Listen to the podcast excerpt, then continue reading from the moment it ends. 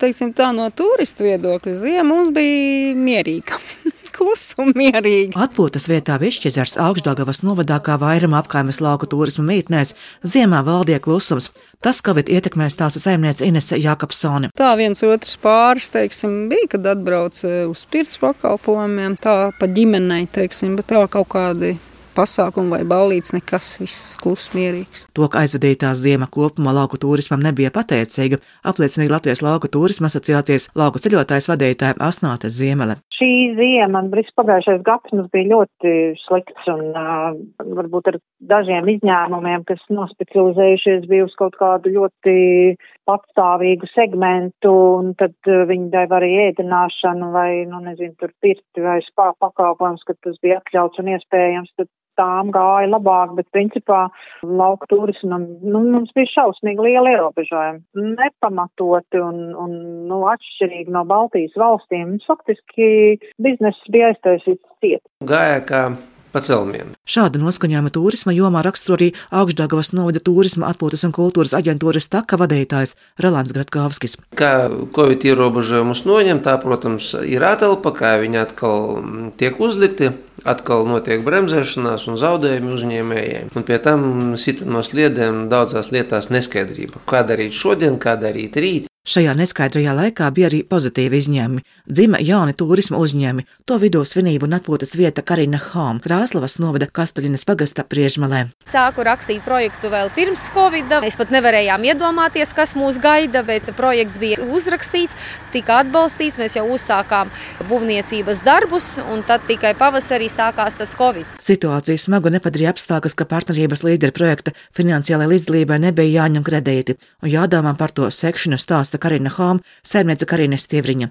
kur ar cerībām raugās uz jauno šī gada sezonu. Piedāvājam gan naktsmītnes, gan ēdināšanu, spā procedūras. Kulinārijas meistarklases bērniem man bija paredzētas pagājušajā gadā. Es šo pakalpojumu nebiju piedāvājusi. Ceru, ka šogad tas izdosies. Vadu dažādas tādas labsajūtas stundas, es viņas saucu par labsajūtas stundām. Es ļoti ceru, ka, ka tiešām situācija mainīsies un es varēšu to visu īstenot. Ņemot vērā, ka pandēmija tā īsti vasarā nesola, līdz ar to varētu būt tā sezona labāka. Jaunā turisma sezona tomēr šogad būs ar savām arī negatīvām niansēm, ar ko būs jārēķinās viesu māju saimniekiem, prognozē Rolands Ratkovskis. Sakarā ar to karu, kas šeit pie, notiek pie kaimiņiem, būs ierobežotas cilvēku plūsmas. Nu, pirmkārt, jau ar krieviem, baltkrieviem, ukraiņiem. Tas jau var pateikt, ka tirgus ir gandrīz aizvērts. Arī rietumnieki, nu, bieži vien ne katrs spēja atšķirt vienu valsti no otras. Viņiem liekas, ka tas viss ir Austrum Eiropa un šeit visur notiek briesmas. Ja?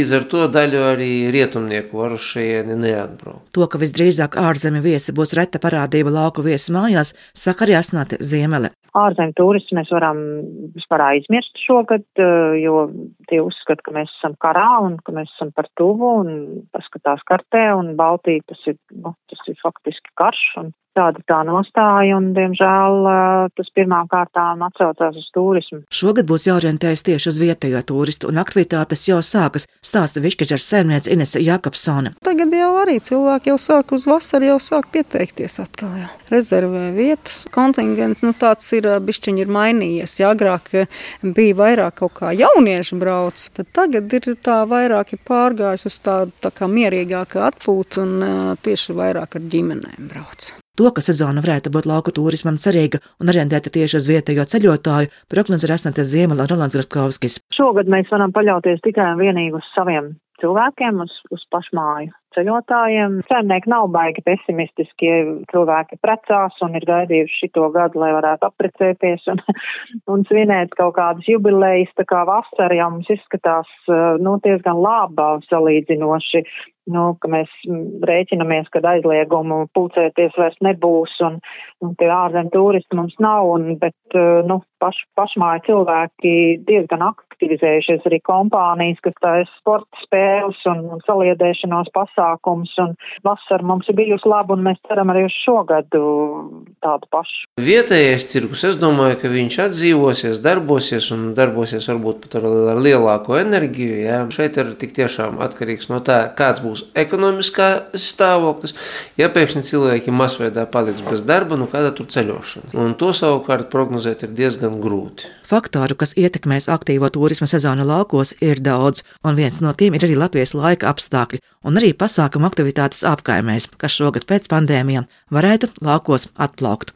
Silvijas Smagre, Latvijas radio studijā Latgalē.